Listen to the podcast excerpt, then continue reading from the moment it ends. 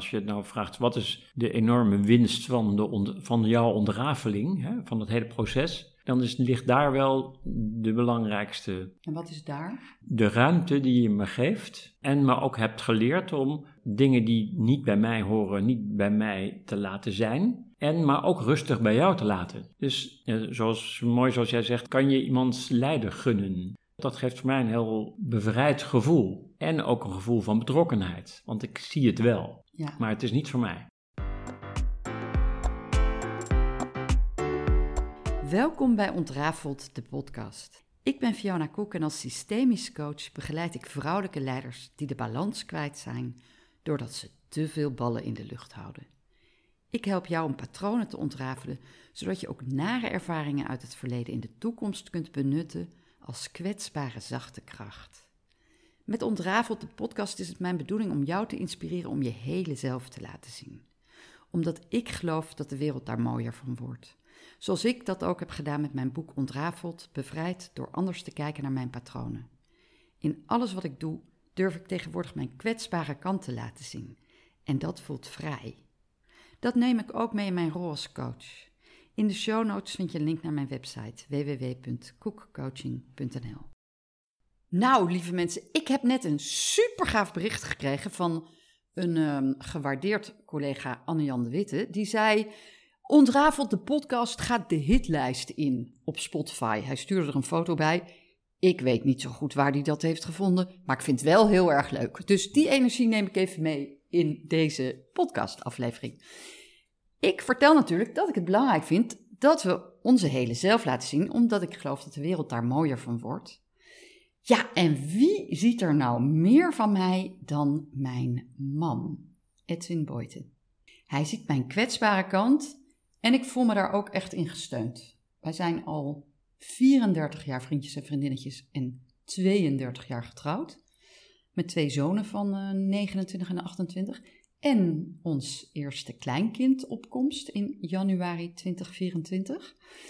Ehm, nou, daar heb ik hem niet voor uitgenodigd om dit te vertellen. ik dacht, uh, ik zei, weet je, um, schatje, mag ik een keer een podcastaflevering met jou opnemen? En jij zei... Ja, Vooruit. je hoort het, een volmondig ja. Weet je, ik ervaar echt heel veel steun van mijn lief. En hij ook van mij, denk ik inmiddels. Ja. En ik voel ook dat het anders is geweest naar elkaar. Dus we, hebben, we zijn absoluut al jaren gelukkig geweest. En we hebben ook gewoon moeilijke tijden met elkaar gehad. En ik denk dat dat is wat waardevol is voor jou, voor jullie, om ook te horen dat het niet altijd makkelijk is en dat het ook wat oplevert om ja, ook daaraan te werken. Maar vooral omdat ik ook wel heb gedacht, ja, het ligt aan jou. Vroeger was mijn grappend motto altijd: het ligt nooit aan mij. Maar dat was natuurlijk heel lang grappig. Maar op een gegeven moment gaat die vlieger niet meer op. En zeker in relaties. Want ik heb ook wel eens gedacht: als jij nou zus, dan in onze relatie. Dus ik wilde hem fixen.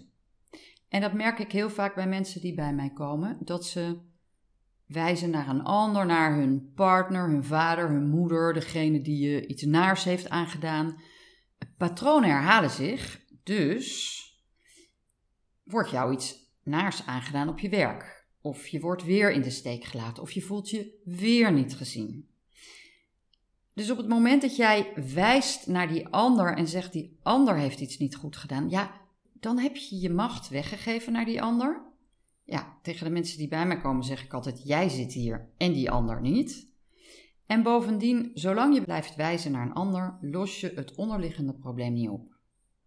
En ik heb aan de lijve ondervonden wat de invloed was van mijn eigen ontrafelingsproces, de transformatie die ik heb doorgemaakt op mijn relatie met Edwin. Dus, schatje, wil jij daar iets over vertellen? Ja, ja. nou de, ontrafeling. Het is, dat weet je, als eerste denk ik, uh, we zijn al heel lang bij elkaar inderdaad. En uh, er zijn zeker hoogtepunten en dieptepunten. Maar op het moment dat het moeilijk was, wist ik wel ergens in mijn lijf dat het niet een breekpunt was. Weet je. Er, was er was meer liefde dan woede of zo. Oh, misschien wel woede zeg je, maar misschien mag ik zeggen angst. Ja, dat mag ook. Ja. Want ik geloof dat we uiteindelijk altijd naar de plek van angst gaan wanneer we uit verbinding gaan. En ik zeg altijd op een schaal van 10 of 100, waar er 80 liefde is, is er 20, of eigenlijk andersom, op een schaal van 10, waar er 8 ruimte is voor angst, is er nog maar 2 ruimte voor liefde. Het is echt een keuze. Die zitten op dezelfde schaal en ze eten altijd ten koste van elkaar. Ja. En ja, we hebben ook angst gekend. Zeker. In onze relatie. Jij zegt zeker. Welke angst heb jij gekend? Nou, de angst dat ik zelf op een gegeven moment in een, uh, in een situatie zat, in between jobs, met een, uh, een burn-out, uh, waar ik ruimte en, en rust en een totale onzekerheid had van waar ik naartoe moest gaan. En jij eigenlijk op dat moment dat wilde fixen door mij um, een richting op te duwen die naar oplossingen ging die voor mij geen oplossingen waren. En uh, dus ja, dat was gewoon, uh, dat was gewoon echt wel een, een, moeilijke periode. Het was ook een periode waarin, um, nou ja, uh, jij niet kon bijdragen aan de inkomsten. Dat is trouwens ook wel eens andersom geweest, maar op dat moment jij niet. En ik vond dat ook echt angstig. Dus ik was ook echt bang voor schaarste. Heb ik ook over geschreven in mijn boek. Ja. En, en wat gebeurde er dan? Dan voelde jij mijn angst. Ja. Ja, en ik was niet bang voor schaarste of ik had geen angst voor schaarste. Op een manier was dat minder belangrijk voor mij dan de weg waar ik naartoe wilde gaan en waar ik, waar, waar ik aan het onderzoeken was waar ik naartoe moest gaan. Wat ik ook niet wist gewoon. En dat is zo mooi, want je hebt nooit angst voor schaarste. Nee. Dat is echt iets wat niet in jouw systeem lijkt te zitten. Zeg ik even lijkt, want misschien zeg je wel, nou, ik heb best wel ja. Natuurlijk denk ik wel eens aan, uh, weet je, zijn er, zijn er wel eens momenten dat ik denk van, jeetje, weet je, uh, hoe redden we het nou? Uh, hoe moet ik oud worden? En, nou, weet je, allemaal dingen die, die je kan bedenken. Maar dat is het ook namelijk. Het zijn allemaal dingen die ik bedenk. Ze zijn er niet. Dus Weet je, dan realiseer ik me ook weer, waar maak ik me nou zorgen over? Want ze zijn er gewoon niet. En toen ik kan altijd heel goed in het hier en nu zijn. En, um, uh, nou, dat is niet waar. Jij, jij kunt beter in het hier en nu zijn dan ik. en in het hier en nu kan jij ook wel eens uh, nou, naar plekken gaan. Hè? We hadden het er net over. Ik heb, um, ik weet niet of je mal geluisterd hebt, maar een podcast gemaakt over wat als je gevangen zit in uh, de negativiteit van alles wat er gebeurt in de wereld. En toen zei ik tegen Edwin, nou misschien kan je die even luisteren voordat we dan samen onze podcast opnemen. Dan zit je even zo in de podcastsfeer. Nou, die was die was een beetje te neergeslagen kwam die bij me. Want die zei, ja, ik ben me nu heel erg aan het verbinden met, uh, ja, met, met wie ben ik nu, aan wie ben ik trouw als ik mezelf geen geluk gun. Ja, ja nou dat is op zichzelf natuurlijk een hele mooie vraag. En het is een vraag die je kan onderzoeken. En um, nou ja, daar heb ik wel wat antwoorden op gevonden, denk ik. In de vorm van mijn moeder en mijn grootmoeder. Ja. Denk ik, die allebei. Uh, maar ja, weet je, het gaat ook om niet om, de, om in die angst te zitten, in dit geval, maar meer om uh, het onbegrip.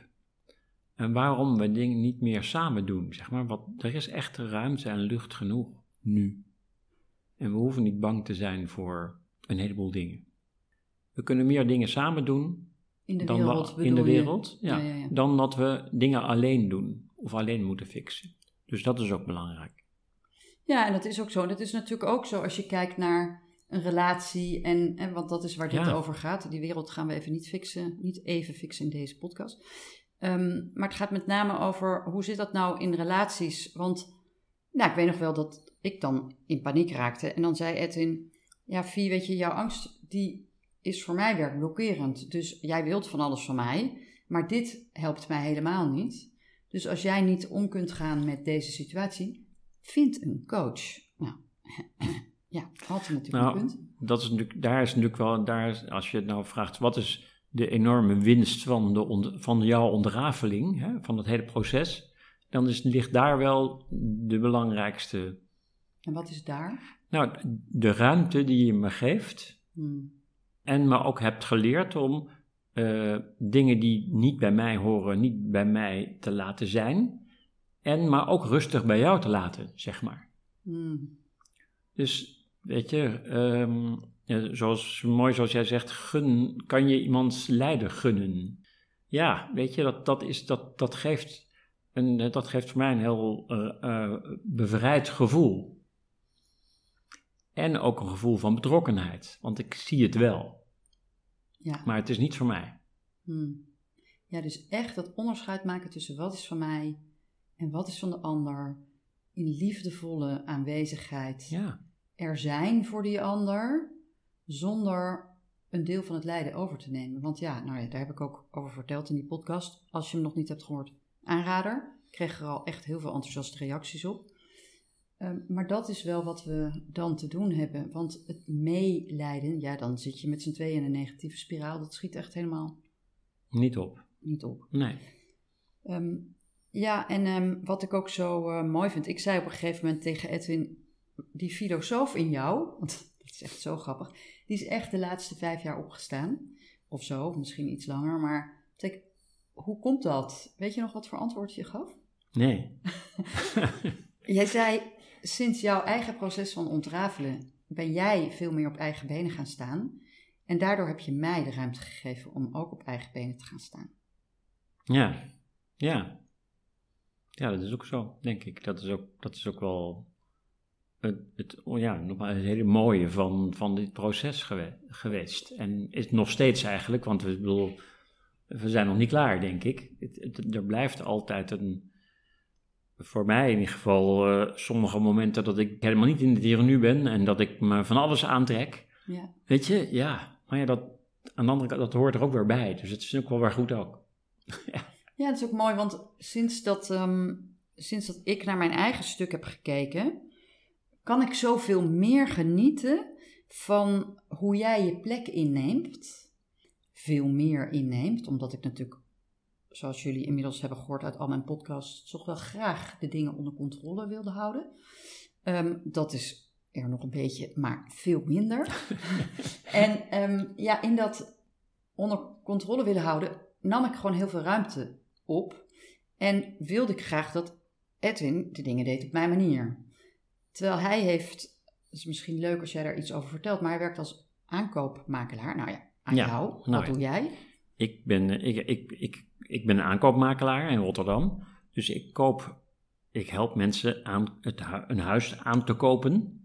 En ik zoek voor ze. En ik, maar dat is een heel mooi proces, omdat je eigenlijk begint bij A en je weet niet precies waar je eindigt. Dus dat is ook mooi om dat pad met elkaar te belopen en te kijken wat kan wel en wat kan niet en hoe ziet de situatie eruit.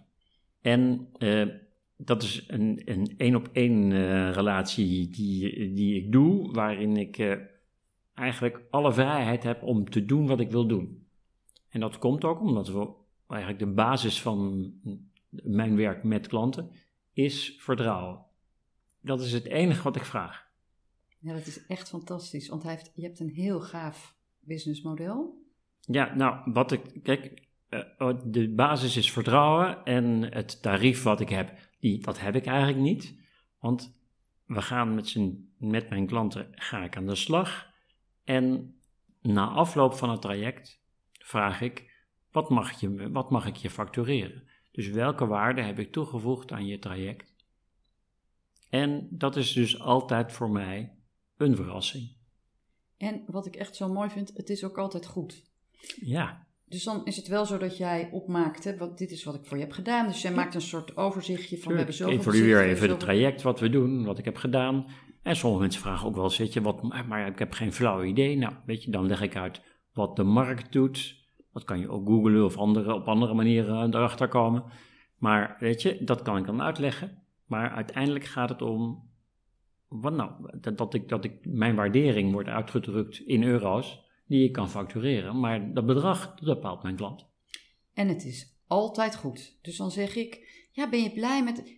Hij zegt altijd ja. En dan zeg ik, maar ook als het heel laag is, wat maakt dat je daar dan blij mee bent? En Edwin die kan zo echt naar het grotere kijken. En ja, jij Ja, maar ja, weet je, het is zeggen. gewoon. eh, ehm, kijk, het, het gaat er mij om. Natuurlijk dat ik, dat ik genoeg geld verdien om een boterham te betalen en mijn hypotheek en al die andere dingen die we, die we allemaal nodig hebben. Maar ik word, ik word ontzettend blij als ik een nieuwe Rotterdammer eh, in een hartstikke leuk huis heb wonen. Weet je, mijn stad wordt ook leuker. Ja, dat is echt jouw Dus dat is gewoon, ja, dat vind ik superleuk. En ja, weet je, eh, eh, als mensen, al mijn klanten komen eigenlijk via andere klanten. Nou, dat is ook al een enorme payoff die je krijgt.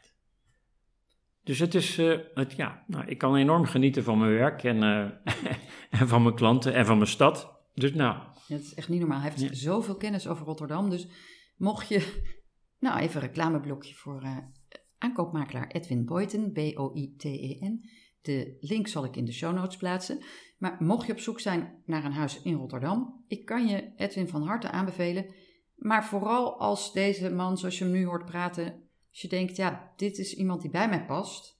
Want hij doet dit met echt heel zijn ziel en zaligheid. En zo mooi, geen contract komt erbij kijken, geen niet soort op papier gezet, ja, totdat hij eh, die eh, soort van evaluatie maakt aan het eind van het traject. Maar verder ehm, is het wat hij zegt gewoon puur gebaseerd op vertrouwen. En dat is hoe jij in het leven zit. Ja, dat heb ik soms best wel lastig gevonden. Want Edwin die kan gewoon denken, ja, nou, maar het komt, het komt gewoon wel goed. Of dan zei ik, ja, ik heb eh, eh, al drie maanden geen omzet meer en ik kan eh, volgende maand mezelf nog uitbetalen, maar daarna niet meer. Zei hij, nou, het is nog niet het eind van de volgende maand, dus ja, je weet helemaal niet wat er gaat gebeuren in de tussentijd.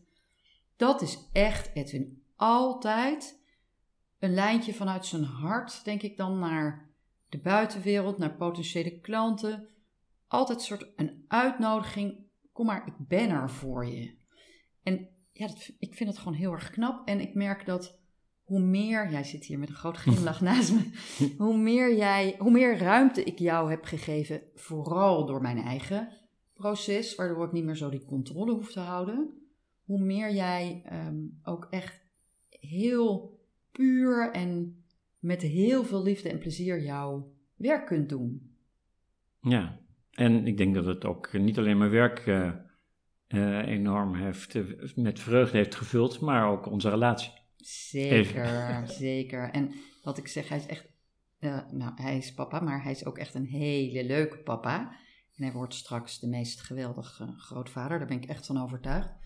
Ehm, altijd als je Ed ziet met kleine kindjes, dan, eh ah, dat is zo leuk om te zien. En ze zijn altijd dol op hem, want we hebben heel veel neefjes en nichtjes. En die zijn dan kleine neefjes en nichtjes.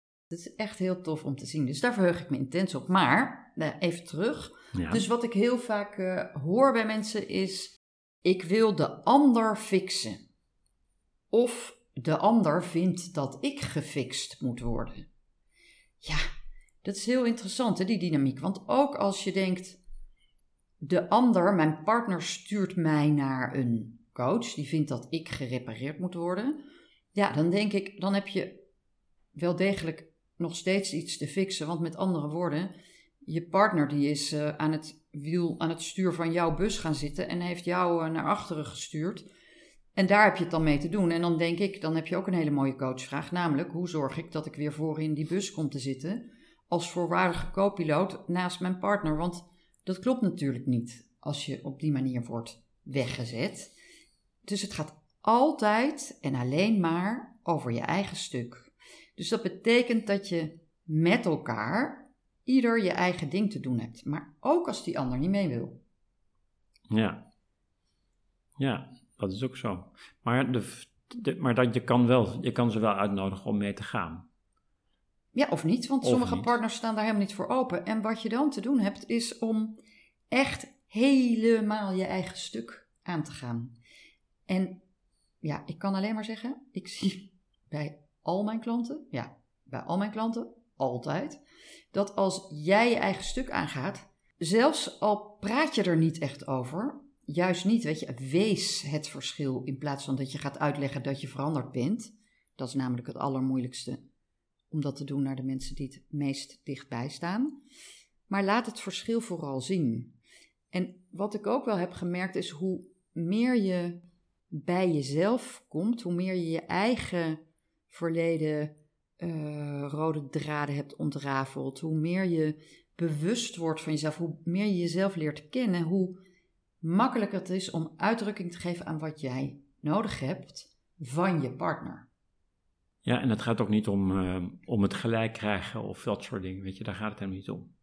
Het gaat inderdaad om de, als je je eigen mm, kracht en eigen vrijheid kan vinden en dat bent, dan, weet je, dan, dan kan je er ook op vertrouwen dat de ander daar iets in ziet. Ja, of niet, hè? En blijkt dat je eh, twintig jaar na dato uh, helaas uit elkaar gegroeid bent. Ja, dat kan natuurlijk. Dat is ook. Maar dan kan je wel vanuit je eigen kracht zeggen: wij passen niet meer bij elkaar, dus ik stap uit deze relatie, hoe pijnlijk ook. Ja, ja. En dat is altijd heel lastig, want de kunst zit hem erin dat juist als je het moeilijk hebt met elkaar, om terug te gaan naar dat moment waarop je de liefde voelde voor de ander. En in, zoals Bert Hellinger, de grondlegger van het systemisch werken, zegt, eigenlijk kun je alleen maar volwaardig en, en goed uit elkaar gaan als je dat vanuit liefde kunt doen. Want anders blijf je altijd daders en slachtoffers. Er is niets zo verbindend als die twee. Anders blijf je altijd verbonden met je ex of een vorige liefde of, nou ja, je vader of moeder. Als je die afwijst, ja, sowieso, dan wijs je een stuk van jezelf af. Want je bent 50% je vader, 50% je moeder. Maar alles wat je afwijst, het komt gewoon keihard via de achterdeur weer terug. Dus you might as well take the trouble. Uh, weet je, heb er lol in om terug te gaan naar dat moment dat je verliefd werd op elkaar. En dat de ander er voor je was. Of dat nu was omdat je kon ontsnappen uit jouw ruziende huis met, met ruziende ouders. Of weg bij het geloof vroeger. Of omdat die persoon een dikke vette schouder bood op een moment in je leven dat je het heel hard nodig hebt. Om er later achter te komen, ja, al die redenen waarom ik toen op hem of haar ben gevallen, dat is nu niet meer van toepassing. Maar dat, dat dan weer voelen en daar ook oprecht dankbaar voor zijn, dat is de enige plek van waaruit je een beweging kunt maken naar een, uh, een nieuwe afslag. Maar ja, zoals jij net al zei, als je aan jezelf wilt werken, doe dat dan ook uh, echt vanuit jezelf en zorg dat jij zo stevig met jezelf kunt verbinden, dat je oprecht nieuwsgierig kunt zijn naar wat maakt nu dat de ander de dingen zegt zoals die ze zegt. Ja, maar dat, dat maakt het ook, um, dat maakt het in ieder geval makkelijker om, om liefdevol, om naar dat, de plek te gaan van, weet je, uh, je bent niet waardeloos of we kijken niet alleen de slechte dingen, maar we, weet je, je bent niet voor niets al een hele tijd bij elkaar. Ja. ja. Dus dat is geen fout, maar dat is gewoon, daar moet je naar kijken, denk ik. Tenminste, dat helpt gewoon. Ja, om, om ervan uit te gaan dat de intentie van de ander goed is. Natuurlijk. En dan te kijken, wat, wat maakt dat je dit nu zegt? En er zit zo vaak, ja, voor de ander dan weer uh, die angst onder. Hè? De, angst voor die afwijzing, het al invullen. Nou ja, fijn, um, dat zijn andere afleveringen. Maar uh, het helpt om echt met elkaar heel nieuwsgierig te onderzoeken. En als ik nu naar jou kijk, Edwin, als, ik, als er mensen zijn die hier naar luisteren en die denken: ik vind het gewoon echt spannend om aan mezelf te gaan werken. Want ik ben bang naar de verandering in mij, ik ben bang voor de impact die het gaat hebben op onze relatie. Wat zou jij tegen hen willen zeggen? Um, wat heb je te verliezen? Hmm. Nou, om daarmee te beginnen. Weet je, alles wat je ontdekt, weet je nog niet. dat is een mooie. dus dus, dus, dus wees nieuwsgierig. En wat kan er gebeuren? Ja, mooi. Wat kan er gebeuren, weet je? En het is natuurlijk heel fijn als je partner of degene met wie je woont en die dichtbij je staat, je support daarin, je steunt daarin. Dat helpt, absoluut. Het helpt en soms heb je het Maar het is, niet, het, is niet, het is niet de, de, de, een reden om het niet te doen nee. als je die hulp niet hebt. Ja, klopt. Ja. Weet je, want dan zit je nog steeds achter in die bus en dan doe je niks. Nee, het gaat er vooral om dat je, um, je bent, ja, eigenlijk zie ik bij al mijn klanten dat het, het is het onvermogen om helemaal volwassen op eigen benen te staan. En het gaat erom dat jij weer teruggaat naar de plek waar jij volwassen op eigen benen kunt staan en met zachte ogen kunt kijken naar de ander. Naar, jij zei het zo mooi van de week, naar, met mildheid naar de slachtoffers die je hebt gemaakt. Wonden die je hebt opengereten. De, de dingen die je hebt gedaan in het verleden waarvan je, waar je je schuldig over kunt voelen. ehm, schaamte op kunt voelen. Ja, we hebben dat allemaal. Ja, ja dus onoverkomelijk. Ja, Eh, Het is, ze zijn noodzakelijk. Ook voor de dingen die daar tegenover staan. Namelijk de groei en de, en de plezier en het ontdekken van wat je, wat je ontdekt hebt. ja, ja, echt. Ja. Zo mooi, Toekie, die eh, Toekie van Apeldoorn, met wie ik ook een podcast heb opgenomen, de psycholoog des Vaderlands. Die, eh, ik zag vandaag weer een post van haar voorbij komen.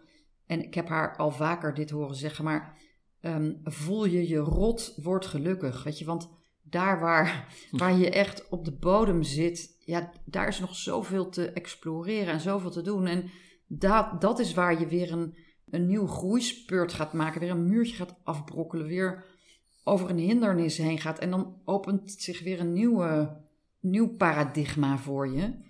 Dus ja, ik vind het wel een mooie tekst. Ja, Voel je rot, word gelukkig. Ja, en, en wat je ook wat echt volgens mij heel belangrijk is, is dat je in eerlijkheid gaat uitspreken wat je zelf nodig hebt. Dus ik weet heel goed dat, dan zeg ik Edwin Boyten. en dan zeg ik Fiona Koek. En dan weet hij, Nou, dan weet ik dat ik eh, even serieus ook moet luisteren. Dus even stil moet zijn. En het is voor mij een momentje, ja, met zachte ogen, maar met, met zachte ogen in mijn ogen kijken. Ja. Dus het is voor mij altijd een soort uitnodiging als ik dat zeg, om te zeggen, lieverd, ik heb even oogcontact nodig. Die echte verbinding. Ehm, nou, bijvoorbeeld als ik zie, ehm, jij kan, je bent gewoon heel, ja, ik ook, maar jij bent ook gewoon heel sensitief, gevoelig. En je kan soms je verliezen in bijvoorbeeld de narigheid die er is in de wereld, of Ehm, omdat het even niet lekker met je gaat. En dan kan je mij niet meer zien. Dan, dan heeft hij een soort eh kokonnetje heb je dan om je Ja. opgetrokken. En dan, dan, dan besta ik even niet meer. Nou, het gebeurt zelfs ook wel eens dat we dan aan tafel zitten en dan gaat hij eten. En dan is hij twaalf happen verder. En dan zeg ik, Edwin Boyten, Fiona Koek, kan je even je bestek neerleggen en kan je even naar mij kijken? We zitten al vijf minuten tegenover elkaar twee minuten, drie minuten. En je hebt me gewoon nog niet eens aangekeken. Weet je, wat een mazzel dat we 34 jaar later nog samen zijn. Het is ook wel tof als je daar dan even samen van kunt genieten. En dan kan hij dat ook echt helemaal voelen. Ja, en, en weet je, en dan betrap ik mezelf ook op dat ik, dat ik mezelf natuurlijk ook niet zo serieus moet nemen. Weet je, Ja. hallo. Probeer ook de, dan ook de relativiteit te zien van, eh, van de dingen die we doen. En er ook eh, om kunnen lachen. Nou, maar echt, dit zeg je Ja. heel mooi. En zoals Leonard Cohen zegt, there's a crack, a crack in everything. That's how the light gets in. En kijk je naar de barst of kijk je naar het licht? Ja, mooi. Ik kan nog wel eens naar de barst kijken. En dan zegt Edwin, Vie, geen licht zonder barst. Of, nou ja, eh, geen Ja. pieken zonder dalen. Geen... Je Ja. bent altijd degene die mij erop wijst dat het echt, het licht er alleen maar is dankzij de donkerte. En de hele tijd al die polariteiten insluitend. En dat doe je ook echt heel mooi in onze relatie. Dus dit is ook een ode aan eh, de liefde, deze aflevering. En dank je wel dat je mij support in mijn eeuwige zoektocht. Met veel liefde.